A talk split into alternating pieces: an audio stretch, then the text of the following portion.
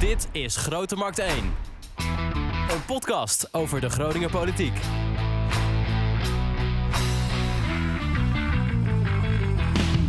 Grote Markt 1, aflevering 30. Uh, ik ben Wouter Rolsappel en tegenover mij, ja, eigenlijk hoef ik het dan niet meer uit te leggen, hè? Echo van Oosterhout. Dag Wouter. Hoe is het met je? Het is goed met mij, Wouter. Twee weken geleden hebben we opgenomen met uh, wethouders Mirjam Wijnja en Ilko Eikenaar. En toen dacht jij meteen, ik weet al een volgende. Ja, ik dacht meteen aan uh, Rick van Nierhuis. Want uh, die, ja, en naarmate de datum dichterbij komt, kwamen er ook meer, steeds meer actuele onderwerpen aan bod. Maar sowieso interessant. Het is een van de belangrijkste posten in het college van BMW, denk ik. Wonen, groot probleem, ingewikkeld probleem. Dus van heel veel redenen om daar het eens even over te gaan hebben. En hij zit bij ons. Dag Rick. Hoi, goedemiddag. Hallo. Ik heb even uh, de vrijheid genomen om even jouw uh, LinkedIn-pagina even helemaal uh, mm. door te, te, te spitten. Ja. Um, het viel mij op dat je... ik, ik kon niet echt een leeftijd van je vinden. Oh. Dus dat ben ik maar gaan gokken. Want ik zag dat je in, in 1984 naar de basisschool ging. Dan gok ik dat je in 1980 geworden bent. Dat klopt, ja. En dat je dus 42 bent. Ik ben 42. In maart ben ik 42 geworden. ja. ja. Nou, ik dacht eigenlijk, zeg maar, toen ik ooit hoorde dat je uh, wethouderskandidaat was, dacht ik van, oh, zo'n jonge wethouder. Dus je ziet er dan jong uit voor Ah, oh, dank je. Wat heerlijk. Ja, kan. ja, ja. Garrelsweer? Garrelsweer. Daar ja, kom je vandaan? Ja, prachtig dorp om op te groeien. Mijn uh, uh, ouders hadden, hebben daar een, een, oude school, een oude school gekocht. En met een hele grote schuur erbij. Het ziet er eigenlijk uit als een boerderij aan het Damse Diep. Daar heb ik de eerste tien jaar van mijn leven gewoond. En uh, met heel veel plezier. Uh, in het Damse Diep met vlotten en bootjes. En uh, ja, open oma dichtbij. Kerk veel dichtbij. Heb je veel gevaar op het Damse Diep? Um, ja, maar echt met vlotten en rubberbootjes en vissen deed ik toen ook nog heel veel met mijn broer. Die is twee jaar ouder dan ik en die was helemaal in het vissen. Dus dan, ja. En open oma dichtbij, daar kon dan altijd naartoe lopen. Dat was echt ja, een hele fijne tijd. Veel Groningse komt eigenlijk niet? Nee, Nee, en ik denk dat als het, uh, als het in de gemeente Groningen lag, dan woon ik er, uh, er nu weer. Maar dat is helaas net niet zo. maar je kunt wel aan Damsterdiep wonen in Groningen. Ja, zeker. Ja. ja.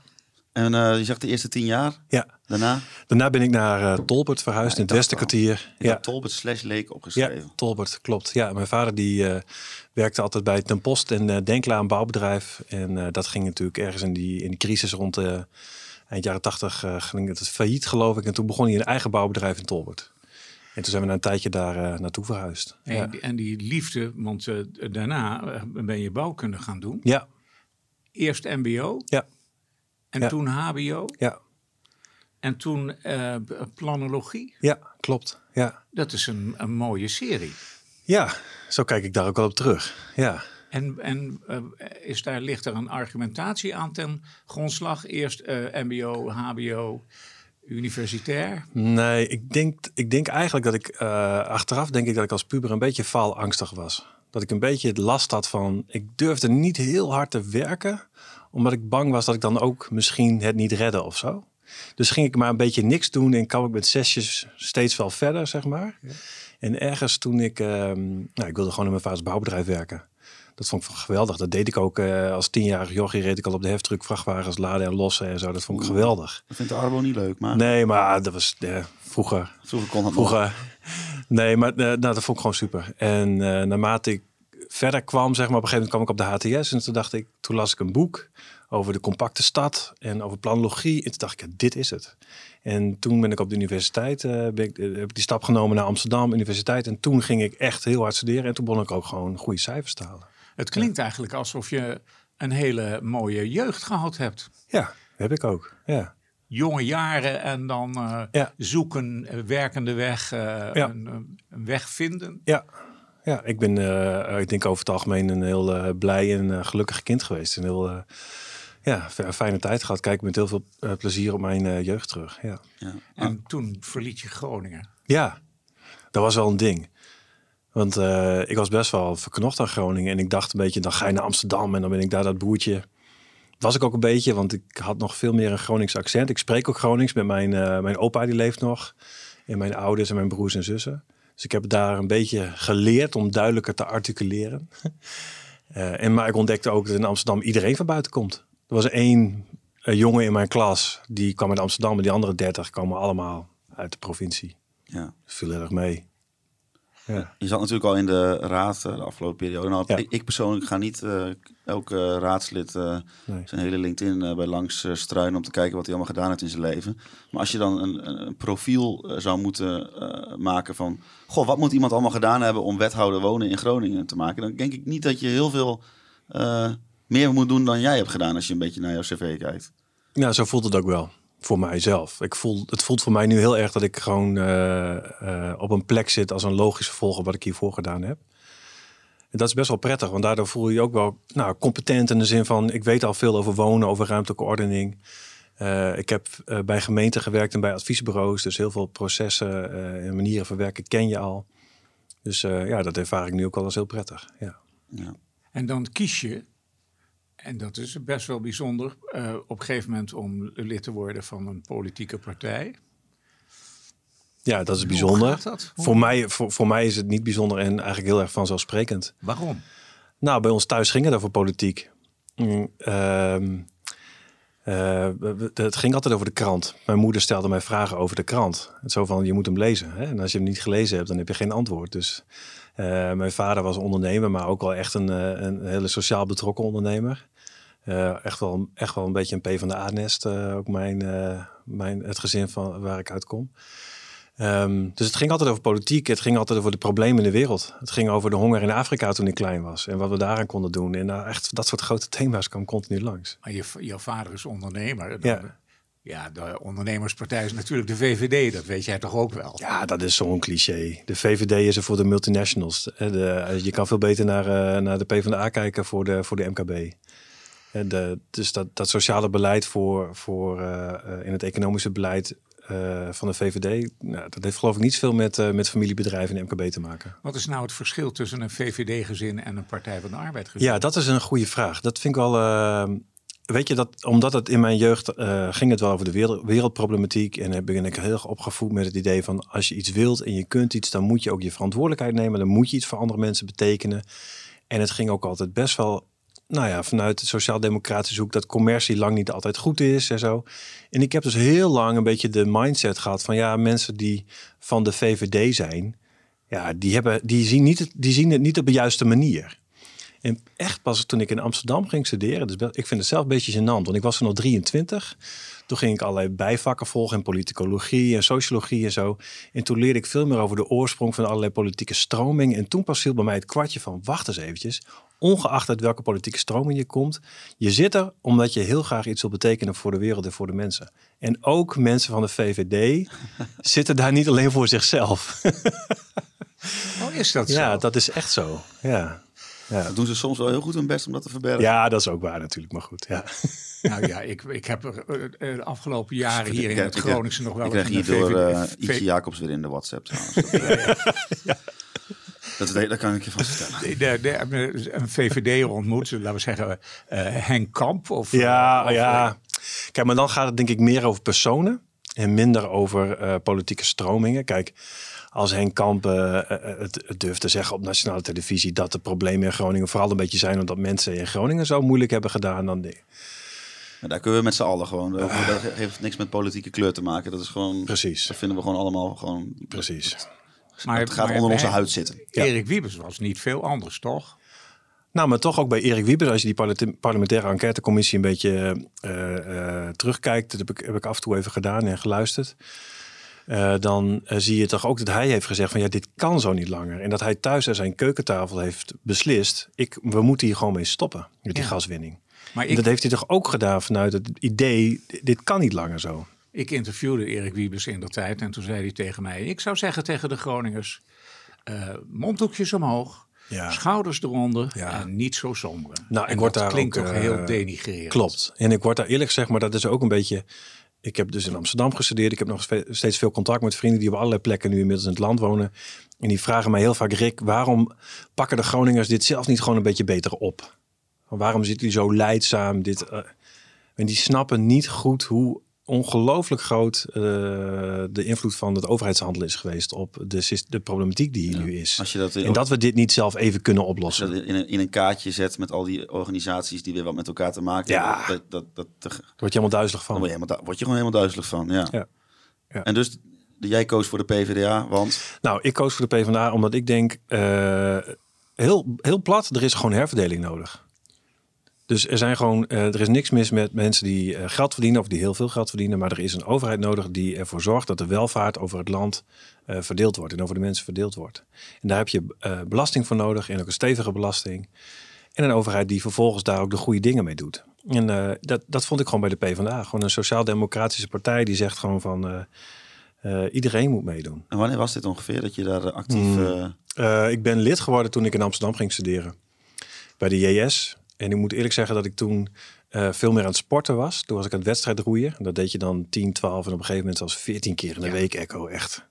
Zelfs voorzitter van de roeivereniging geweest. Ook nog, ja. Veel geroeid op de Amstel? Op de Amstel, vooral. Prachtig watertje. Prachtig, ja. Ja, zeker. Als ik nog in Amsterdam ben en ik fiets... En lekker uh, breed ook. Ja, heel mooi.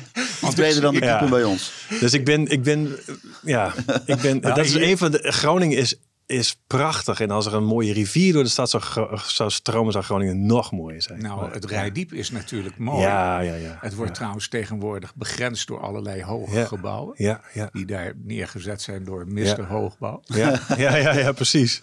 Ja. Ja, nou, de afgelopen jaren is natuurlijk wel uh, veel bij de PvdA gebeurd. Want ik bedoel, uh, als we het even goed hebben, dan 2012 denk ik nog dat... Uh, dat was toch toen ze uh, heel veel zetels hadden en net minder dan de VVD en samen gingen. Ja, Wouter Bos, denk ik, hè, was dat toen. Ja. Die, uh, ja, die deed het heel goed. Nou, dan dus de, de deelname ondertussen, aan, onder, ondertussen werd Job Cohen vermorseld. En, uh, het is een, dat is wel raar. Ik snap dat, dat sociaal-democratische gevoel wel, maar de Partij van de Arbeid was natuurlijk toen helemaal niet zo bezig. Nee, klopt. Het was toch wel heel erg voor uh, Rutte en de liberalisering. Klopt.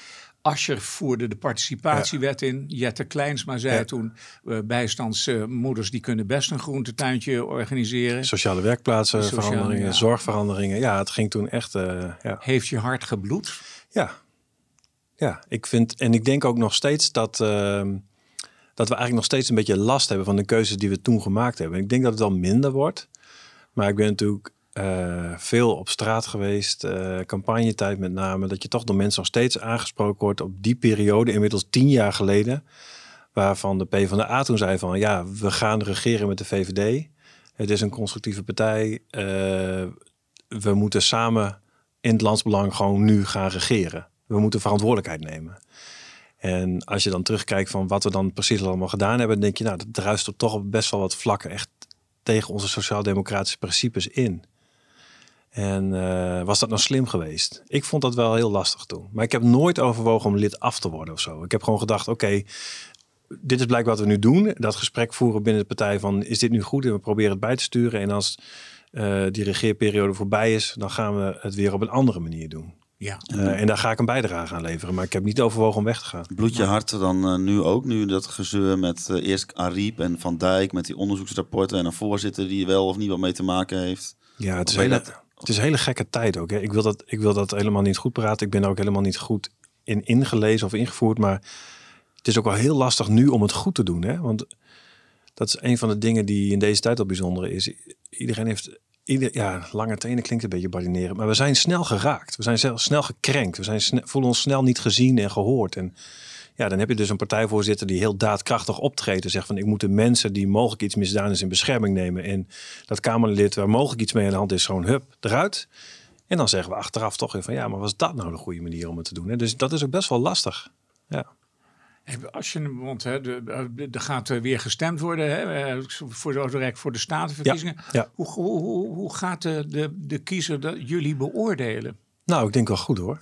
Ik denk ja, ik denk dat uh, de Tweede Kamerfractie de afgelopen jaren gewoon goed oppositie gevoerd heeft en uh, goede voorstellen gedaan heeft dat uh, Adje Kuiken en Henk Nijboer en een paar andere nou, zich echt wel hebben laten zien en, en goede constructieve voorstellen hebben gedaan. Um, dus ehm, ik denk dat de waardering van de PvdA aan het groeien is. Ik merk dat ook aan de mensen om mij heen. dat ze toch zeggen van de sociaal-democratie is gewoon een politieke stroming die het te doet en die misschien als je terugkijkt op tien jaar marktwerking, uh, helemaal niet zulke gekke dingen vindt en zegt. Er was gisteren uh, bij een vandaag een, een, peiling over de Partij van de Arbeid, onder de Partij van de Arbeidleden. En het vertrouwen in Adje Kuiken was 62 procent. Hmm. Er heeft nog nooit een, een, een baas van een partij zo laag gescoord. Oké, nou dit, uh, dat heb ik niet meegekregen. Maar kijk, ja, misschien heeft dat te maken met, met het gedoe wat er nu is. Dus hè? Ja, ja, ja, dat de leden van de Partij van de Arbeid zeer ontevreden zijn over hoe de, de, met Ariep en uh, Van Dijk is omgegaan. Ja. Ja. Op een gegeven moment kom je dan uh, ja, toch weer terug naar Groningen. Was dat hmm. een no-brainer? Nee, dat was helemaal geen no-brainer. Dat was hartstocht. ik was ontzettend verliefd op Mirjam en dat ben ik nog steeds. Um, Mirjam en ik kennen elkaar al heel lang. En uh, in de tijd dat ik in Amsterdam woonde, had ik een, een relatie. Uh, maar Mirjam en ik zijn altijd goede vrienden gebleven. En we spraken elkaar regelmatig. En op een gegeven moment was ik vrijgezel en Mirjam ook. En toen sloeg de vonk echt over. En heb ik nou, nog twee jaar lang in Amsterdam gewoond en in Rotterdam gewerkt. En dan uh, in het weekend naar, naar Groningen reizen. En dan soms uh, maandagochtend vroeg om zes uur in de trein om dan in één keer naar Rotterdam te reizen. maar nou, ik dacht na een tijdje van uh, ik ga terug. Ja. En nu, ik vond dat het eerste jaar best lastig. Want ik miste Amsterdam. Alle sociale interactie in mijn sociale kring. vrienden. En nu zou ik echt voor geen goud meer naar Amsterdam willen. Ik vind het nog steeds heel leuk om een weekendje te zijn, maar... Oh ja, ik ben altijd na één middag ben ik altijd helemaal klaar. Nou, nee, ik, kijk, ik heb daar twaalf jaar gewoond. Ja, oké. Ja, dus ik ken er nog steeds veel mensen en ik, ik ken de stad goed. En ik geniet er ook heel erg van om iedere keer weer, ook als vanuit de blik als planoloog te kijken van wat gebeurt hier, wat verandert hier. Um, maar ik vind het heerlijk om weer terug te zijn in Groningen. Ja, ik vind het zo vermoeiend om daar te zijn. Is het ook. Is het ik, ook? Ik vind het fantastisch. Amsterdam, je hebt het Stedelijk Museum, je hebt MoMA. ja. er, is, er is zo ontzettend veel. Ja. Het foam, er, uh, het is zoveel te zien. Hoe ik zie ook wel trouwens dat Amsterdammers daar zelf heel weinig gebruik van maken. Maar, Klopt. Uh, ik, mijn zoon woont in Amsterdam-Noord. Ja. Prachtig plekje trouwens. En uh, het is heerlijk om daar te zijn. Vind ik ook hoor. Maar ik moet zeggen, al die rolkoffers. Dat ja. Is, uh, nou ja, dat is natuurlijk een van de redenen dat we ook als gemeentebestuur hebben gezegd van... Geen rolkoffers in Groningen. Precies. Gewoon verbod op rolkoffers. Nou, die toeristen verhuren inperken. Hè? Ja. We, willen, we willen ook niet... Kijk, Amsterdam is een, een enorme toeristenmagneet. En je ziet dat Groningen dat in toenemende mate ook wordt. En we komen in allerlei lijstjes van internationale uh, bladen en zo komen we langs. Dat is een van de parels van Nederland. Of van Europa zelfs. Ja. Dus dit is ook het moment om te zeggen van nou laten we voorkomen dat we volledig overgeleverd worden aan. Uh, nou, ik, ik hoor dus wel eens klachten van vrienden en kennissen als je op zaterdag uh, in dat gebied vismarkt, grote markt, uh, ja. de, de, de, dan is het zo ontzettend bom en bomvol. Ja. En dat zijn allemaal, je hoort allemaal Engels, Duits, Chinees, Frans, van alles hoor je. Ja. Mooi toch? Ik geniet daar ook van hoor. En dan, ja. dan voel ik me, waan ik me soms eventjes weer in Amsterdam. Gewoon dat, dat kruisingje van Volkingenstraat en Vismarkt, waar je dan bijna altijd een ongelukje hebt. Dat heeft ook al zijn charme. Dat is gewoon echt de drukste plek. En dan hoor je inderdaad verschillende talen. Survival of the fittest is daar altijd. ja, Ik, ik, moet me er wel op voorbereiden als ik er naartoe ga. ik niet. Ik, uh, ja, sinds ik wethouder ben, rem ik altijd heel netjes op ja, voorrang. Uh, ja, nooit meer moment... uh, tegen het verkeer in? Eén uh, richting straat of... Ik ben vanochtend nog stiekem door rood gereden. toen zei mijn, het kon net niet meer. En toen zei mijn dochter van vier, papa, die zat voor mij in de bakfiets. Je moet je aan de regels houden. Als er nou voor iemand geldt dat hij zich aan de regels ja, moet houden, ja. ja, goed. Ik hoop niet dat er iemand van de, de politie mee uh, luistert. Op een gegeven moment werd je dan uh, raadslid in, mm -hmm. hier in uh, Groningen. Was dat ook een logisch vervolg voor jou? ja, want toen ik terugkwam uit, uit Amsterdam, toen ben ik lid geworden van hier van de PvdA. En zoals dat al gaat, als je lid wordt bij een politieke partij, dan ben je ontzettend welkom. Uh, als je jong bent en je wilt wat en je kunt misschien ook wel wat, dan ben je ontzettend welkom. En voor je het weet zit je in een bestuur of in een commissie of nou, noem maar op. En uh, dat ben ik ook gaan doen. Dus ik heb drie jaar in het bestuur gezeten. Heel leuk bestuur. En dat was voor mij een beetje ook de, de, periode waarin ik ging kijken van... is dit ook in Groningen weer de club waar ik bij wil horen? Maar de sfeer was ontzettend goed. Gewoon, er had heel veel verjonging plaatsgevonden en uh, het was ontzettend leuk om dat te doen. En toen na drie jaar bestuur de vraag kwam van... nou, wie gaat zich kandideren voor de gemeenteraad? Toen dacht ik, ja, dat wil ik wel doen. Dat, het leek me sowieso altijd al interessant, maar ook echt nou, namens de PvdA Groningen had ik daar toen een heel goed uh, gevoel bij, nog steeds. Ja. Ik weet niet hoe dat nu is, hè, maar vroeger had je in de, en denk nog wel steeds een beetje in de Partij van de Arbeid een soort twee-stromenland. Zeg maar de zuiderdiepers, om het zo te noemen, en de jonge socialisten. Hmm. Is dat nog steeds zo? Ja, ik, weet, nee, ik, niet- ik weet niet zo goed wat je daarmee bedoelt met de zuiderdiepers in de... Nou ja, de, de, laten we zeggen, de, de, zuiderdiepers zijn meer pragmatisch en de, de Oh ja. jonge socialisten zijn meer idealistisch. Ja, ik denk dat je dat in iedere politieke partij hebt. Dus eh, je hebt mensen die iets progressiever en iets conservatiever zijn. Eh, of mensen die iets meer bereid zijn om, op, om het eh, pragmatische compromis te kiezen. Of mensen die gewoon wat meer vasthouden aan, aan het ideaal. Hoe zie jij jezelf dan? Ehm dat vond ik wel een heel leuke fonds. Toen ik solliciteerde als raadslid stond in eh, het stuk van de kandidaatstellingscommissie. Want je gaat dan langs zo'n commissie, sollicitaties en zo. Stond dat Rick een pragmatisch idealist was. Dat vond ik een mooi fonds, want dan voel ik me eigenlijk ook wel. Dus je bent beide. Ja, dus ik vind echt eh, dat we mooie dingen moeten bouwen, bijvoorbeeld. Eh, ik wil echt voor ruimtelijke kwaliteit gaan, maar het moet niet te lang duren, want we moeten ook bouwen. Hè? Dus, en het moet ook betaalbaar zijn. Dus eh, als mensen te veel op één lijn gaan zitten, ben ik ook de wethouder die zegt van... hé jongens, kom op, hè. Dit, dit, dit, dit gesprek is goed, eh, lang, heeft lang genoeg geduurd. Een 7,5 is ook mooi, het hoeft geen 9 te worden en nu gaan we even door. Waar heb je je als raadslid voornamelijk eh mee bezig gehouden? Nou, eigenlijk met deze portefeuille ook. Ik was woordvoerder op het fysieke domein, mobiliteit, ruimtelijke ordening, wonen. Dus de nieuwe mobiliteitsvisie die, die we vorige periode hebben vastgesteld, heb ik heel intensief aan meegewerkt. Ehm, en ook de, de, grote, de grote plannen die gemaakt werden voor, voor de suikerzijde, voor de stadshavens. eh, dat zijn de dingen die, eh, die ik gevolgd heb. En eh, ja, wat ik ook heel erg geprobeerd heb als raadslid is juist ook gewoon... Het was coronatijd, hè? Maar ja, als er dan iemand op sociale media uit Selwert zei van... hey, wat leuk dat jullie dat deel van de wijk vernieuwen. Maar hier liggen de stoepen er eh, bij alsof ze de tegels uit de helikopter zijn gegooid. dan ging ik daar naartoe. En dan, dan vond ik het juist leuk om even daar in de buurt rond te lopen. En, en dan ook dat te agenderen in de raad. Van jongens, laten we dan ook hier even Ja. oog voor hebben. Nou, daar kwam eh, vanuit Jan-Pieter uiteindelijk een, een soort van stoepen aanpak uit tevoorschijn. Dat we dan daar ook mee aan de slag gaan. Maar, ja. Die, die corona die heeft toch wel een enorme invloed gehad ook op het Ja. democratisch proces Ja, in de ja, stad. zeker, zeker. En de, de, eh, de- bijvoorbeeld die mobiliteitsvisie, die, dat, is, dat is nog een beetje nog steeds een abstract ding. Wat Klopt. volgens mij gewoon nog in de wijken eh, besproken moet worden. Nou, ik denk dat corona, ik vond dat zelf als raadslid echt heel eh, jammer dat ik gewoon eh, heel veel digitaal overlegde. Ook niet met de collega ra- raadsleden heel veel onderling contact had. Je komt gewoon niet bij elkaar en de, de onderlinge relaties zijn gewoon heel belangrijk. En ik voelde me een soort van onzichtbaar voor de, voor de inwoners van de stad. Ja. En als er dan, ja, je gaat dan niet zomaar meer naar een groep mensen toe. En dan is het een beetje één op één afspreken en zo. Dus dat vond ik gewoon heel ingewikkeld. Dus kun je soms de angel er misschien wat moeilijker uithalen. Ja, of ook gewoon, ja, je zit natuurlijk in je eigen, eh, iedereen zit toch een beetje in zijn eigen bubbel. En ik werkte dan eh, bij Groningen Dorp. Op die manier kreeg ik natuurlijk heel veel mee van wat er in dorpen gebeurt. Heel veel vergelijkbare dingen, eh, ook vanuit de wijken en de dorpen rondom de stad hoor. Dus je krijgt genoeg van de, van, van de wereld mee. Maar toch is het wel heel fijn om gewoon de inwoners van de stad te spreken namens wie je daar zit. En dat Ik, heb ik ik, ik zag toen al op jouw cv staan dat je de, bij die vereniging Groningen Dorpen sta, zat. Ik heb me altijd afgevraagd, wat doe je daar? hey, dat was ook mijn vraag. Ja? Ja. Nou, dat is eigenlijk. ehm, Vereniging Groningen Dorp heeft net een nieuwe directeur, Hielke, Hielke Westera, wethouder in Westerkwartier. Eh, volgens mij een hele goede opvolger.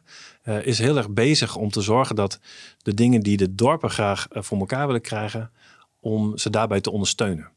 Dus het is eh, vanuit Groningen Dorpen heel erg belangrijk om te horen wat er in dorpen leeft. En ze te helpen eh, met een beetje professionele ondersteuning om het voor elkaar te krijgen. Een heel concreet voorbeeld is bijvoorbeeld dat eh, bijna alle dorpen willen graag een soort van dorpsagenda of dorpsvisie. Zodat ze niet overvallen worden door een overheid die zegt van wij gaan hier in dit dorp even dit en dit doen.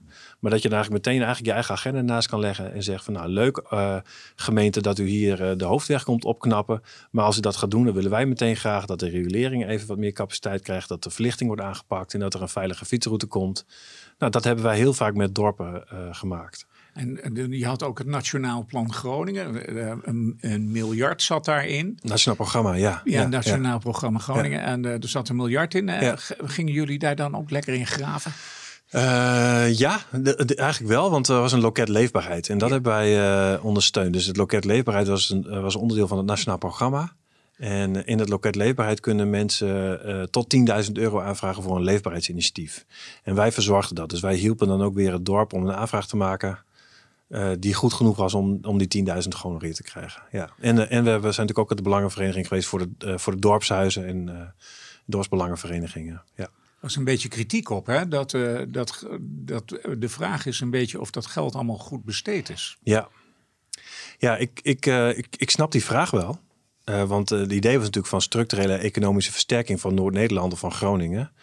En tegelijkertijd denk ik van ja, als je als overheid, Rijksoverheid bedoel ik dan, tien jaar lang gewoon uh, de gemeentes steeds minder geld geeft. En laat lappen voor problemen die eigenlijk in de Rijksbegroting een plek zouden moeten hebben. Ja, dan is het natuurlijk niet zo gek dat die gemeenten zeggen van ja, hallo, maar dat, dat nationaal programma geld is voor een deel van ons. En daar willen wij ook over beschikken. Ja, als je, als je gemeente uh, Midden-Groningen bent of Eems-Delta en je hebt een enorme opgave vanuit versterking en ook stedelijke problematiek en, en wijkvernieuwing en je, je krijgt daar steeds maar geen geld voor, ja, dan is het toch logisch dat je op een gegeven moment denkt van hallo, dan doen we het op die manier wel. Dus ik heb daar wel begrip voor dat gemeenten dat doen. En tegelijkertijd denk ik ook dat het heel goed is dat we nu de discussie voeren van jongens, hoe gaan we verder met de volgende tranche? Met de volgende deel van dit geld. Doen we dit nu goed of moeten we dat nog een beetje op een andere manier doen? Op een gegeven moment uh, komen de verkiezingen aan van, dit, van dit jaar. Ja. Op wel, in welke fase ben jij dan al bezig met van hm, ik zou wel hier wel van in een volgende samenwerking zou ik wel wethouder willen worden? Niet. Totaal niet. Nu nog niet. Nee, ik ben, ik ben net begonnen. Nee, maar dus uh, toen die verkiezingen. Oh, toen die verkiezingen waren. Oh, sorry. Uh... Begin dit jaar, zeg maar.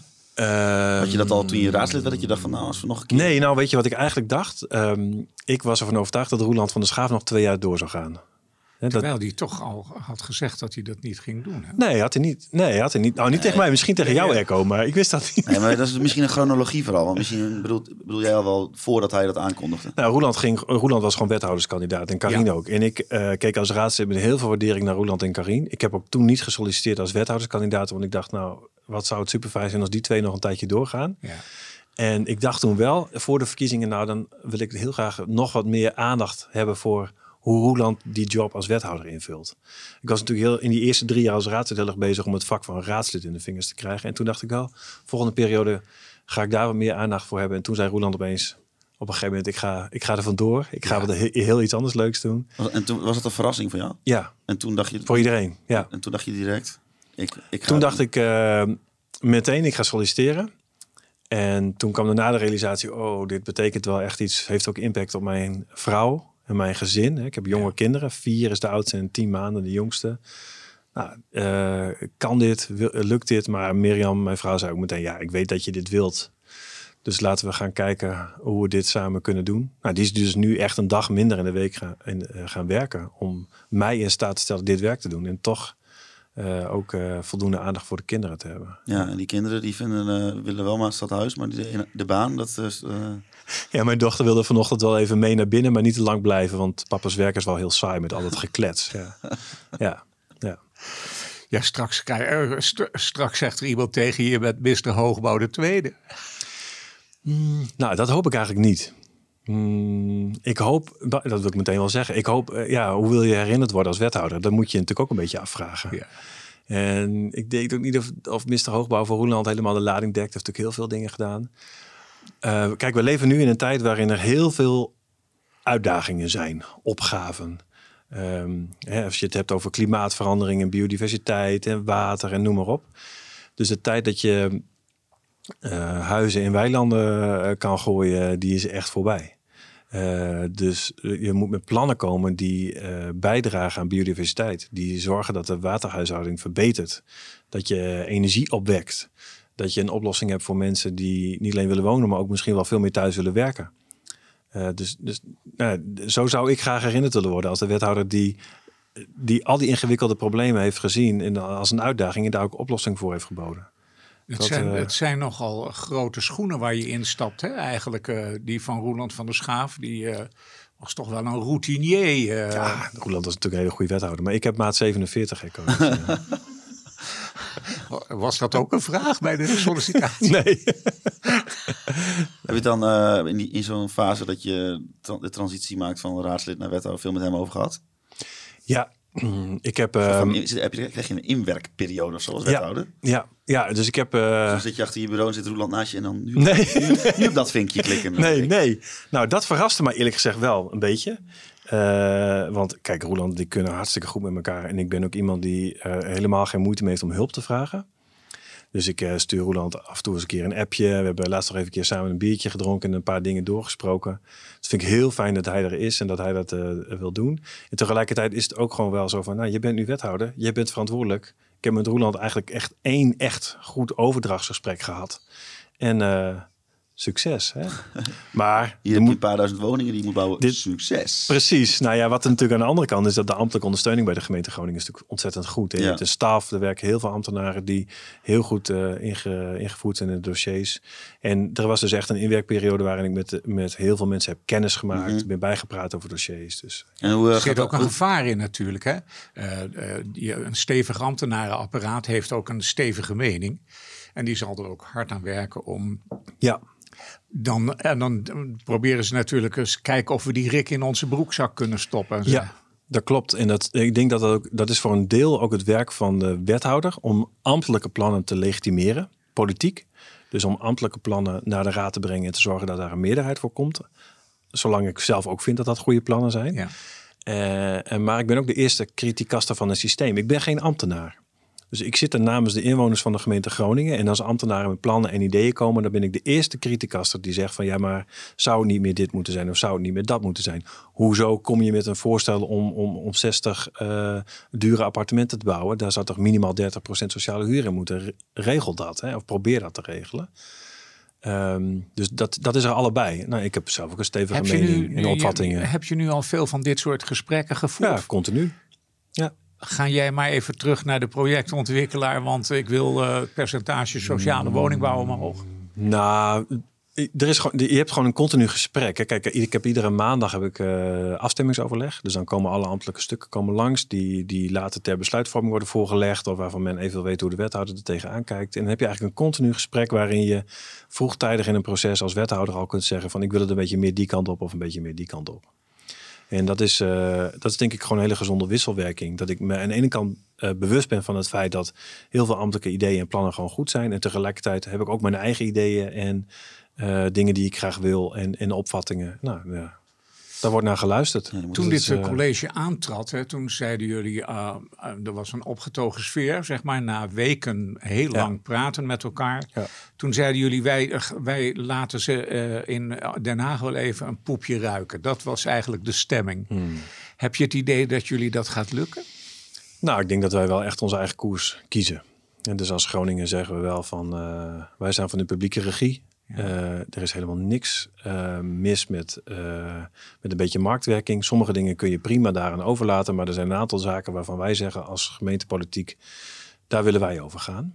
En dat is een beetje tegen de landelijke lijn in van de landelijke politiek nu. En tegelijkertijd zie je toch ook dat bij de VVD en ook het sentiment in het land een beetje aan het draaien is. Dat ze toch zien van ja, verdorie die energie joh. Als we, waarom hebben we dat allemaal verkocht? Als we, als we dat stuur nu nog in de handen hadden, dan hadden we niet nu, wat is het, 23 miljard hoeven ja. weg te gooien aan, aan een energieplafond. Dus nou, ik denk wat dat betreft dat wij ook eh, misschien een beetje voorop lopen. En ik vind het ook heel stoer eh, dat we het gewoon hier aan doen zijn in Groningen. Er stond een ontluisterend artikel in het NRC Handelsblad over hoe de energiemarkt, de gasmarkt ja. terechtgekomen is in buitenlandse ja, handen. Precies. Allemaal wensdenken eigenlijk, Heel, geen reële aannames. Klopt. De markt regelt het wel ja. en dan komt het goed. Ja, dat is natuurlijk gewoon niet waar. Ik denk dat uh, de, we, moeten het belang van ondernemen uh, niet, niet onderschatten. Ondernemers zijn ongelooflijk belangrijk voor onze economie. Maar dan heb ik het veel meer waar we het net ook over hadden. Over gewoon, gewoon de ondernemingen hier die mensen in dienst hebben en die echt de reële economie vormen, die iets bijdragen aan het welbevinden van mensen. Uh, maar niet aan, aan buitenlandse uh, multinationals of, of beleggers die ergens dividenden uittrekken die naar de andere kant van de oceaan verdwijnen.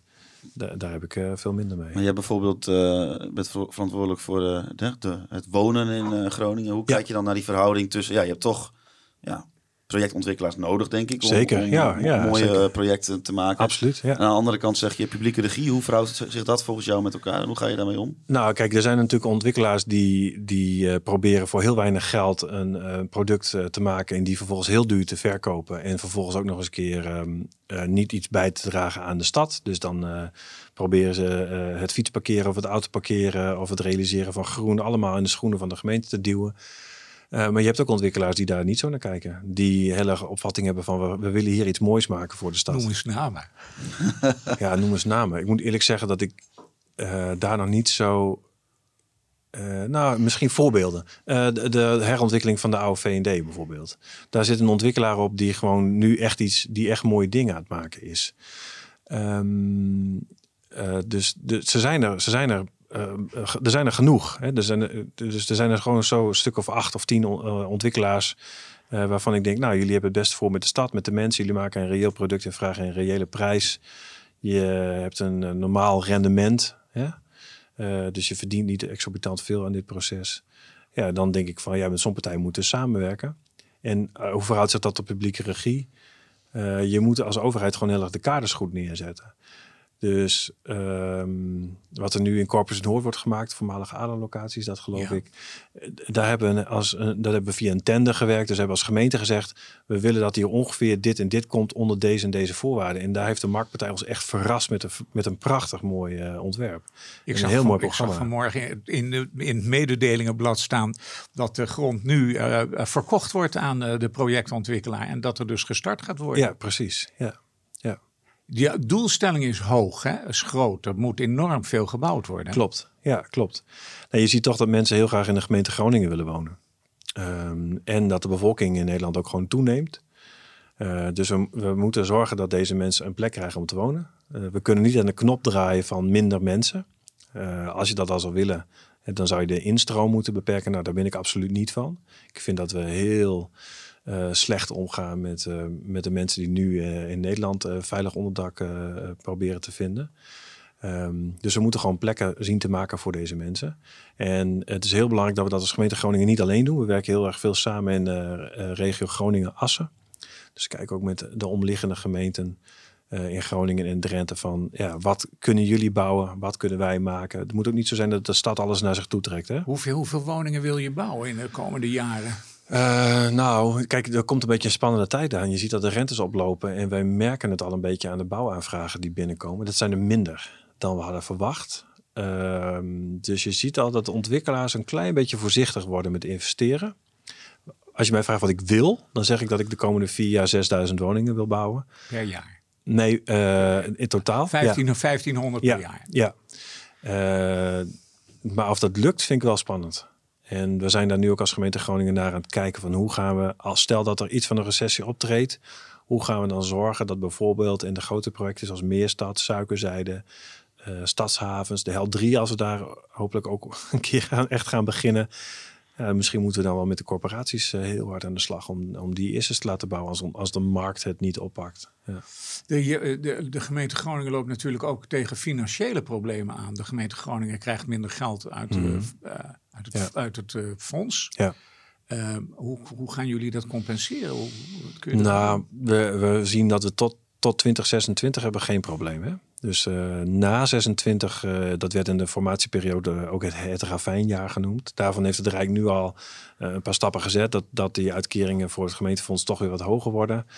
Nou, dat gesprek daarover is nog volop gaande. Ik kan me bijna niet voorstellen dat het Rijk eh, vast blijft houden aan, aan, deze, aan deze inzet. Want dan zouden we als gemeente weer echt, eh, echt in een soort van bezuinigingstijd terechtkomen.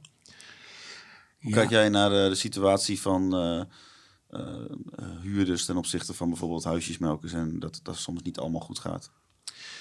Nou, daar, ik ben over het algemeen een vrij eh, genuanceerd persoon die alles van een aantal kanten wil bekijken en die ook wel een begrip heeft voor verschillende standpunten.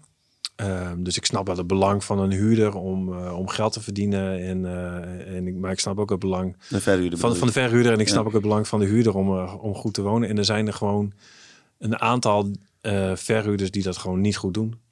En eh, die weten dat ik donders goed. En eh, die moeten we gewoon heel hard aanpakken. Eh, daar gaan we nu ook de bestuurlijke boete voor, voor aan de raad voorleggen. Om die in te voeren. Dat gaan we dit jaar nog doen. ik heb het eerste concept van de stukken al kunnen lezen. En dat betekent gewoon dat we meer geld gaan inzetten op handhaving. En dat we meer handjes hebben voor uh, handhavers om te gaan controleren deze misstanden en ze gewoon echt op te sporen en op uh, signalen af te gaan. Ja, want het is natuurlijk altijd politiek vrij logisch om te zeggen dat je dat niet wil en dat je daar iets aan wilt doen. Maar dan moet je het ook echt doen. Precies, de, de, de koppeling naar daadwerkelijk doen is wel wat anders, denk ik. Nou, kijk, we kunnen heel vaak zeggen dat we niet willen, maar als we het niet aanpakken, zullen er altijd mensen zijn die denken, nou, de gemeente Groningen pakt het toch niet aan. Dus ik ga gewoon lekker geld verdienen en ik stop veel te veel studenten in een gezinswoning die daar helemaal niet voor bedoeld is. Ja. Dan moet het ook aanpakken. ja. En uh, bijvoorbeeld uh, een van de dingen die, uh, denk ik, Steven Bos van Studentenstad graag had ingebracht, mocht hij ja. hadden mogen aanschuiven bij de coalitieonderhandeling, is dus dat er heel veel studentenhuizen eigenlijk verdwijnen. Klopt. Ja. Dat er heel veel studiobouw plaatsvindt. En dat eigenlijk, ja. ik wilde ook graag samen met vrienden wonen toen ik in Groningen kwam. Ja. Ja. Hoe, kun je daar als gemeente iets mee? Met, ja, zeker. met dat geluid? Ja, zeker. En dat hebben we ook nu wel serieus opgepakt. Dat Steven heeft eigenlijk uh, langere tijd, uh, de, de, vorige raadsperiode, gezegd van nou, het is eigenlijk wel een beetje klaar met die omzetting van studentenkamers naar studio's. Want als je studentenkamers hebt, dan heb je ook een gedeelde kamer, een gedeelde keuken. En dat is gewoon eigenlijk heel goed voor het sociaal contact. En het is vaak goedkoper dan een studio. En zijn zorg was dat, uh, dat mensen zouden vereenzamen in een studio en dat ze gewoon veel te veel geld betalen. En uh, we hebben het natuurlijk wel om een reden gedaan. We zagen dat er in bepaalde wijken gewoon heel, nou precies, heel veel overlast was van veel te veel studenten. En als je naar studio's gaat, betekent het wel dat er ook meteen veel lagere aantallen zijn. Want studio's zijn groter, dus dan heb je minder mensen in al die huizen wonen. Dus ook vaak minder overlast. Nou, dat is heel effectief geweest. En nu zijn we op punt in tijd beland dat we zeggen: oké, inderdaad, uh, misschien moeten we nu stoppen met die omzetting van kamers en studio's. Ja.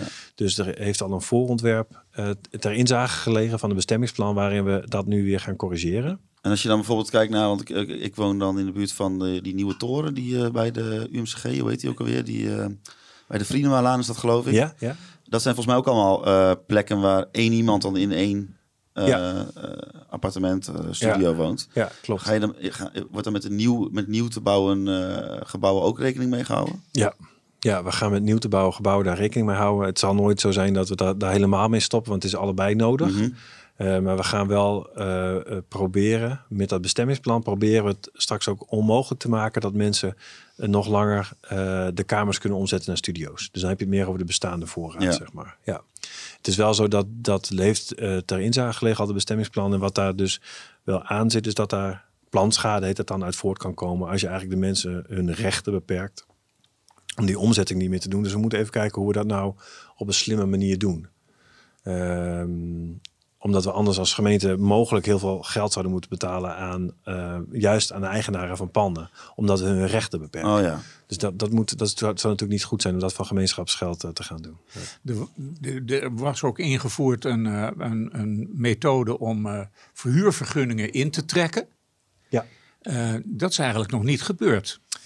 Um, dat, dat, was bedoeld om ja. uh, malafide verhuurders uh, ja. uh, hun verhuurvergunning af te nemen. Klopt. Ja. En dat is niet gebeurd volgens mij. Mm, dat zou ik, dat zou ik echt even moeten navragen, wat, hoe vaak dat al gebeurd is.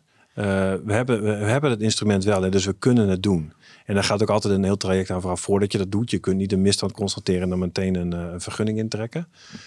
dus daar gaat het traject aan vooraf. En we hebben het middel om het te doen. En uh, als dat nodig is, gaan we dat ook doen. En jullie hebben de opkoopbescherming. Ja. Hoe werkt dat? Hmm. Nou, dat zorgt ervoor dat op het moment dat, uh, uh, stel jij, uh, nou, jij, hebt niet, jij woont in een uh, heel mooi drijvend huis, maar stel je hebt, je hebt overwaarde op je huis, dan zou jij kunnen zeggen van, nou, misschien is het wel interessant om een tweede pandje te kopen en die dan te verhuren. Dan heb ik een mooi inkomen ernaast voor mijn oude dag. Daar is op zich niks mis mee. Alleen wat we dus zien is dat, dat dat vrij veel gebeurde. Door of privépersonen of echt ook door partijen die dat, die dat beroepsmatig commercieel doen. Uh, waardoor je woningen onttrekt aan de markt eigenlijk. Dus we hebben gezegd, je mag tot een bepaald bedrag, een dikke drie ton, mag je niet een woning kopen om vervolgens er niet zelf te gaan wonen. Koop je een woning, dan moet je er ook echt zelf gaan wonen. Zodat dat beschikbaar blijft voor mensen die een huis willen kopen. nou, dat werkt goed hè. Dat hebben we inmiddels wel gehoord van, van makelaars. Jullie hebben daar ook een artikel over geschreven. Ja. ja. Um, we gooien er gewoon even wat onderwerpen in. Ik, Sikkom die heeft de laatste half jaar, jaar één uh, onderwerp was, uh, waar vooral Willem volgens mij heel druk mee is. Dat zijn die energielabels. Ja. Dat zijn dus bijvoorbeeld gebouwen waar dan staat dat ze duizend ja. zonnepanelen, ik noem even een random getal, op het dak hebben liggen. Dat zijn er dan honderd. Ja. En daardoor moeten huurders veel meer betalen. Zijn jullie, dat, zijn jullie daarmee bezig? Ja, daar zijn we mee bezig, ja. En dat is wel een lastig dossier. Want wat je, wij, wij zijn eigenlijk niet... Er zijn een paar instanties in Nederland die die energielabels uitgeven en ook kunnen controleren. Ja, maar even voor de goede orde. Als jij een A, energielabel A hebt, dat betekent dus dat jij, jouw huis heel nou, goed is voor de energie. Dan kan de huurder meer geld vragen. Nou, we werken met, precies, we werken met een punten, met een waarderingssysteem. Dus op basis van een aantal punten uh, wordt de huur gebaseerd. En uh, hoe hoger je scoort op bepaalde punten, hoe meer huur je mag vragen. Energie is een van die punten. Dus, dus dat geeft meteen een prikkel voor, uh, voor foute pandjesbaas om daarmee te sjoemelen en een, en een label op een huis te plakken wat gewoon niet klopt. En dat gebeurt dus. En uh, wat, we, wat we nu zien is dat uh, het voor de gemeente heel lastig is om die labels te, contro te, controleren. Wij mogen het eigenlijk niet, we kunnen dat eigenlijk niet. Er zijn een paar instanties in Nederland die dat kunnen doen. Dus die misstanden moeten gewoon gemeld worden bij de, bij de huurcommissie. En dan moet zo'n club gevraagd worden om dat label te beoordelen. En als dat label niet klopt, dan moet dat worden aangepast. Zijn weer processen die maanden ja. kosten. Dus het is heel vervelend dat er mensen in deze wereld zijn die daar gewoon heel bewust misbruik van maken. Ja, want je bent eigenlijk, uh, om het maar even met deze woorden te zeggen, dubbel genaaid. Want en je betaalt meer huur, maar Precies. de energielabel klopt ook niet. Dus je betaalt ook nog veel meer dan energie Precies, eigenlijk. ja. ja. Dus daar moeten we echt mee aan de slag. Maar je zegt eigenlijk dus dat de gemeente, je, je, je wordt daar wel pissig van, maar je kunt er eigenlijk niet heel veel zelf aan doen. Nou, kijk, we zijn nu wel even met ook met uh, via de lijn van het uh, Openbaar Ministerie en politie aan het overleggen van jongens, op wie zijn bordje ligt dit? Of moeten we hier samen even op acteren? Want is dit een overtreding van het beleid van de gemeente? Of is dit misschien wel een economisch delict en moet daar juist vanuit de OM en politie aangetrokken worden? Dus wij zijn echt met hun aan het kijken van kunnen we dit aanpakken? Want we hebben het nu al een paar keer gezien. Ik vraag me af van is dit nou het topje van de ijsberg of gebeurt het op veel meer plekken? In de woonlasten, die, die, ja, dat reist gewoon een pan. Dat is gewoon niet op te brengen. Het is gewoon echt heel erg oneerlijk en fout. Dus daar moeten we echt mee, uh, mee aan de slag. Ja. In, in opdracht van uh, de burgemeester, de driehoek zeg maar, heeft uh, mm. TOPS onderzoek gedaan in de gemeente Groningen. En dat mm. gaat over, laten we zeggen, dubieuze geldstromen in, in, in de onroerend goedsector, witwaspraktijk enzovoort enzovoort. Ja. Tops die verweet de gemeente Groningen eigenlijk of de ja, naïef handelen. Hmm. Hmm. Ja. Hoe zie jij dat? Nou, ik weet niet zeker of ik die conclusie helemaal deel. Maar wat ik, wat ik wel vind is dat we de afgelopen jaren meer op handhaving hadden moeten en kunnen inzetten. En wat je nu ziet is dat de drugscriminaliteit en alles wat daarbij hoort vanuit Zuid-Nederland langzaam gewoon uh, Noord-Nederland begint te ontdekken. Uh, we hebben hier in Noord-Nederland ook uh, leegstaande boerderijen achteraf en een haven en, uh, goede wegen. Dus de hele infrastructuur om ook crimineel ondernemer te zijn is er gewoon. Dus dat moeten we gewoon onderkennen. Je bent gewoon een aantrekkelijk gebied om ook als crimineel te gaan ondernemen. Er is een afzetgebied voor drugs. hele grote stad, Groningen. nou, en dat geld wat er verdiend wordt, dat gaat ook ergens in de samenleving weer tevoorschijn komen. En dat kan heel vaak wordt dat gebruikt om pandjes te kopen. En uh, dan verhuur je dus met de intentie om geld te verdienen of om geld te stallen, maar niet om mensen een prettig huis te bieden. Nou, ik denk dat wij nu via meer inzet op handhaving uh, dat echt moeten gaan aanpakken. En moeten voorkomen dat we nog een paar jaar lang uh, minder inzet op handhaving, waardoor het probleem nog veel groter wordt. We moeten gewoon aanpakken, signalen afgeven dat dat hier niet kan en niet hij, hoort. Hij noemde toen bijvoorbeeld het, het voorbeeld dat iemand in, in, in, in Selwert zeg maar uh, woont en dan een ja. beetje in de financiële problemen komt en ja. dan zegt uh, zijn huisbaas... Uh, ja. Ach, als jij dat daar eens aflevert en dan wordt hij zo het criminele circuit in getrokken. Ja, ja, ja, en dat, kijk, maar dat raakt aan nog een veel fundamentele punt, vind ik. en dat is iets wat dat heeft ook te maken met, met meer met landelijke politiek. Als we niet zeggen dat we de minimuminkomens gaan verhogen, uh, dan moet je natuurlijk niet gek opkijken dat mensen vatbaar zijn voor dit soort uh, types en dit soort uh, uitnodigingen om heel veel geld te verdienen. dus naarmate wij beter in staat zijn, en dat doen we bijvoorbeeld nu ook via de sociale wijkvernieuwing, om mensen goed op te leiden, um, een voorbeeldgedrag te laten zien van hoe je een, een goede een goed persoon wordt, hoe je een goede inwoner van de gemeente Groningen wordt, hoe je meedoet in de maatschappij. Dat je, als je hard werkt, dat je daarvoor beloond wordt. Ja, dat, dat zijn dingen die belangrijk zijn. En als je het gevoel hebt van nou, ik word door de politiek toch in de steek gelaten en ik krijg bijna niks. En uh, ja, er komt hier iemand langs en die vraagt me een kleine gunst en ik krijg er heel veel geld voor. Ja, dan snap ik zeker als je jong bent dat je daar vatbaar voor bent. Um, dus dat is een vrij, vrij fundamenteel vraagstuk. Dat is niet alleen met handhaving in de gemeente Groningen te maken. Nee. Uh, ben, je er, uh, ben je door je lijstje heen? Want je hebt, je hebt, een mooi lijstje gemaakt met dingen die je nog even inhoudelijk nou, ja, de wethouder wilde voorleggen. Ja, even, even snel. de groene gevel bij Van der Velde. Ja. Van der Velde die heeft daar aan aan, bij de prachtige A-kerk ja. een boekhandel. En de projecten of de eigenaar van het pand die wilde daar een geveltuin van maken, zeg maar. Uh, en toen was er een, uh, een ambtenaar van de dienst ruimtelijke ordening die heel beslist zei: uh, dat gaat niet door. waarop de projecten of de eigenaar van het pand zei: Nou, oh, dan, dan doen we dat maar niet. Hmm, ja. Nou is GroenLinks boos natuurlijk. En ja. wat vindt de wethouder van dit alles? Nou, ik heb even contact gezocht met Hans Sietsma, of hij zelfs met mij, van Rick, ik wil hier graag vragen over stellen. Ehm, want ik vind dit wel een heel belangrijk punt. Nou, ben ik helemaal met hem eens. Dus ehm, ik denk dat het heel goed is dat deze vraag gesteld wordt. Ik ga daar straks in het vragenuur iets over zeggen. Uh, maar er zijn nog schriftelijke vragen gesteld door D66. Het is voor mij een hele mooie casus om te kijken van wat prevaleert wanneer. Kijken we naar cultuurhistorie, naar erfgoed. Uh, en hoe verhoudt zich dat tot het vraagstuk van klimaatadaptatie en biodiversiteit dus uh, in, dit, in deze casus is het trouwens iets anders gelopen. Er is een idee geopperd van de groene gevel. En toen heeft de gemeente gezegd dat zou best kunnen. Realiseer dat dat iets van 50 kilo per vierkante meter uh, zwaar is. Dus dat dat echt iets vraagt van de constructie. En dat we hier wel te maken hebben met erfgoed. Dit pand zelf en de panden ernaast ook. Dus daar moeten we echt even goed naar kijken met elkaar. Er is niet gezegd van dat willen we niet. En toen heeft de eigenaar of de bouwer gezegd van nou dan gaan wij uh, de wat makkelijker route lopen. Dus we hebben niet nee gezegd, we hebben wel gezegd van er zijn ook wat andere afwegingen. is er nou iets? Is het wel een les om, bij de, om zeg maar, iets klaar te maken zodat bij de volgende keer gestroomlijnd Ik zou dat heel interessant vinden, want we hebben, kijk, we zijn in een hele gelukkige omstandigheid dat we ongelooflijk veel beeldbepalende panden, karakteristieke panden, monumenten hebben in deze stad. Daar geniet ik iedere dag van. En tegelijkertijd moeten we kijken van, nou oké, ze moeten wel energiezuinig worden. En als we iets kunnen doen met biodiversiteit en natuurinclusiviteit, dan moet dat ook gebeuren. Dus het is eigenlijk een hele mooie casus om eens even met elkaar te kijken hoe doen we dit voortaan. Ja, ook actueel is uh, Backbone 050. Dat uh, moet ontruimd worden, want ja. Uh, ja. de gemeente heeft daar andere plannen mee. Die zijn overigens nog niet heel concreet.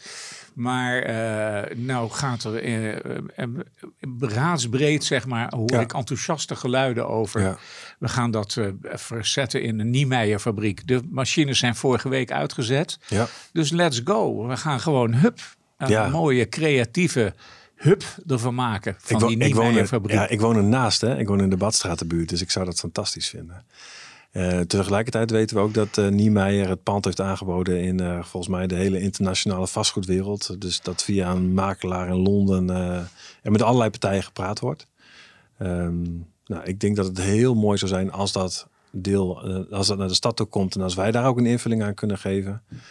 Um, maar als je naar Backbone kijkt, denk ik dat we eerst even moeten kijken wat er op die plek nog mogelijk is. Want de herontwikkeling die ligt nog een paar jaar voor ons. Ja. Uh, ik weet niet precies hoe lang. Dat hangt ook vanaf wat, nou, wat de markt nu gaat doen, wat de rente gaat doen en eventuele recessie. Uh, we gaan nu dus kijken van, uh, is er een mogelijkheid om het beheer van Backbone over te doen naar een andere partij? Um, is het dan ook mogelijk om zonder al te veel kosten en, en toestanden de huidige huurders uh, voor een deel, als ze dat willen, te laten zitten waar ze zitten? Dat is best een ingewikkelde opgave hoor. Er zitten heel veel mits en maren aan. Maar dat is wat we nu aan het proberen zijn. Maar u gaat over het verlenen van de vergunningen. Dus u kunt tegen uh, British American Tobacco zeggen: jongens, uh, de, uh, je krijgt die vergunningen allemaal niet. nou, je, heeft, u heeft best een machtspositie. Nou, we hebben, nou ja, dat kun je doen. Hè. Je hebt als overheid heb je, je, hebt, je hebt, kunt publiekelijk rechtelijk sturen, heet dat dan. Hè. Dus we kunnen privaatrechtelijk dingen kopen als we dat willen, gewoon als, zoals iedere andere partij het kan. Maar we, hebben, we gaan ook over de bestemmingsplannen. Dus als British American Tobacco zegt: we willen hier een paar honderd woningen neerzetten, dan kunnen wij natuurlijk als gemeente wel zeggen: ja, maar aan dat plan werken wij niet mee, want wij voorzien daar andere uh, interessante functies of ontwikkelingen. Ja, dat kunnen we doen. Ja. En daar, uh, als ik dit antwoord zo hoor, dan moet nog over, dat moet nog over besloten worden. Ja, ik kan daar niet zoveel over zeggen nu. Okay. Ja. Uh, dan, uh, wat mij betreft, het laatste verhaal. Och, dat uh, nu beeldbepalend. ja, ja, zo gaat het al. Dat beeld, beeldbepalend st stationsplein. Ja. Ehm, Roland van der Schaaf was al bezig. Ja, dus klopt. die heeft, eh, liet al een idyllisch eh, eh, tekeningetje eh, maken met eh, eenden die door groene grasvelden onder bomen doorlopen. En, en En toch noem jij een bomen- Mr. Hoogbouw, Echo. Hoe kan dat toch? Ja. Nee, het, ik, ik vond het een... Ik vind het stadsbalkon ook een soort van hoogbouw eigenlijk. Ja, ja, ja. De, de, de, Maar goed, dat, dat, elke- zeg je niet met een hele nare toon. Maar daar kan jij natuurlijk niks aan doen dat, dat, eh, dat, die stads, dat het stadsbalkon er nu staat. Maar, Nou, weet je, maar kijk, dat, eh, volgens mij is dat ook jouw vraag. Ja. Dat stadsbalkon is natuurlijk in, in, in, in, eh, op een bepaalde manier in gebruik een fantastisch ding. Want je, je, je fietst er doorheen. Ja. Eh, hele mooie, nooit plek. hele Plek. mooie route. is nooit plek. Nou, eh, ik hoef daar dus ook nooit de fiets neer te zetten. Want ik daar nee, maar in wezen, hij is te klein nu, zeker. Eh, daar wordt aan gewerkt. En aan de achterkant van het station, dat mag, mogen we niet meer zeggen. Aan de zuidkant van het station komt een hele grote ondergronds fietsparkeergarage. Groter dan wat er nu gezamenlijk is met, Ja, die, fiets, ja, met die fietsflat. En, eh, Ja, ja, veel groter. Ja. En ehm, dus het is ergens een, een, een mooi ding. Eh, in, in, in, eh, in gebruik. Je fietst er doorheen, je kunt je fiets afstallen, je bent dicht bij het station en tegelijkertijd zeggen van "G, waarom staat hij zo asymmetrisch dat fantastische mooie hoofdstation te verstoppen met die scheve betonnen tippen waar niks op groeit. Dus dat is er ook. Ja. Ja. Met het peert. Echt, maar hoe gaat dat verder? Want Nou- Roland was ermee bezig. Ja, En, eh, en jij ook? Ja, zeker. Kijk, wat, eh, wat concreter is, is dat we aan de zuidkant van het station, we zijn nu het hele station aan het verbouwen. Hè? Dus de, de regionale treinen kunnen straks eh, doorrijden. Zijn geen, we zijn eigenlijk geen kopstation meer. Eh, de bussen gaan naar de achterkant. Dus we spelen zuidkant. de zuidkant. Dankjewel, Wouter. en we, even wennen. hè? ja, ja, we spelen eigenlijk dat hele voor, voorplein spelen we eigenlijk vrij. Dus de bussen gaan daar eh, vanaf. Die gaan aan de zuidkant. Eh, de, je kunt daar vanaf de zuidkant heb je een hele mooie entree, heel mooi plein. Daar gaan we ook een heel stadsdeel ontwikkelen met kantoren en woningen. Eh, en, En nu, en dat is, dat is vrij concreet. En daar liggen echt al de eerste plannen al voor. In de voorkant, daar, dat is nog in een wat, wat vroeger stadium. Daar moeten we nog geld voor vinden. Daar moeten we nog plannen voor maken. Maar ik zou me heel goed kunnen voorstellen dat we, he- dat we heel kritisch kijken naar van moeten we dat stadsbalkon nou op de huidige manier laten. Nou, ik denk dat daar wel iets aan gaat gebeuren. Ja. Dan zijn we er door, de hè? winkel, zou ik zeggen. We zijn er door. Werk aan de winkel. Zeker, ja, zeker. Dank jullie wel. Wat is nou eh, het eh, doel uiteindelijk, minister van Wonen? Nee, nee, nee, absoluut niet. Nee. Burgemeester van Veendam. Nou, daar heb ik ooit een keer stage gelopen. Ik vond het een hele leuke gemeente. Een mooi gemeentehuis. Eh, ik heb niet echt een doel, Wouter. Oh, Ik had, nee, ik heb, niet, ik heb niet als... Kijk, ik ben ook maar gewoon een, eh, een eh, inwoner van de gemeente. Ik had nooit de droom om wethouder te worden of zo. Eigenlijk is me dat een beetje overkomen... omdat ik gewoon politiek geëngageerd was. En dacht van, nou, ik wil een betere wereld... en dan ga ik een bijdrage aan leveren. En dan kom je opeens op deze stoel... en dan is het nog steeds een beetje surrealistisch... dat je dan die hele grote kamer daar aan de grote markt hebt. Eh, dus ik wil gewoon de komende jaren heel hard werken... om de goede dingen voor de gemeente te doen als wethouder. En... eh, een beetje Daarna het, zien we wel het, eh, verder. het leven is wat je gebeurt terwijl je andere plannen maakt. zeg Ja, maar. dat. En kijk, en wat ik natuurlijk wel ook ter, ter afronding. Ik zie mijn kinderen misschien nu minder dan ik zou willen. Maar ik zie ze wel iedere dag. en ik heb tijd voor ze in het weekend. En een rol als politicus ergens in Den Haag. Maakt zulke dingen volstrekt onmogelijk. Dus nou, hoef je mij de komende tien jaar niet eh, voor Ik- te bellen. Oké. Als ik al daarvoor over, over, over, over tien jaar gewoon dijkgraaf. Eh, Nou, Ook een leuke job. eh, dankjewel voor je komst. Heel graag gedaan. Dank jullie wel. Eh, Echo, jij ook eh, weer bedankt voor jouw, eh, ja, hoe moet ik dat toch zeggen? Die vragen van jou, die schieten soms gewoon recht je ziel in. Dank je, Wouter. Ik ben, ik ben geroerd van dit compliment. En dan mag jij weer bedenken wat je, wij, eh, hè, wa- wa- wat je, je hebt vast wel weer ideeën voor een volgende aflevering. Zeker. Zo zit jij in elkaar. Eh, dit was de dertigste aflevering alweer van eh, Grote Markt 1. Tot de volgende.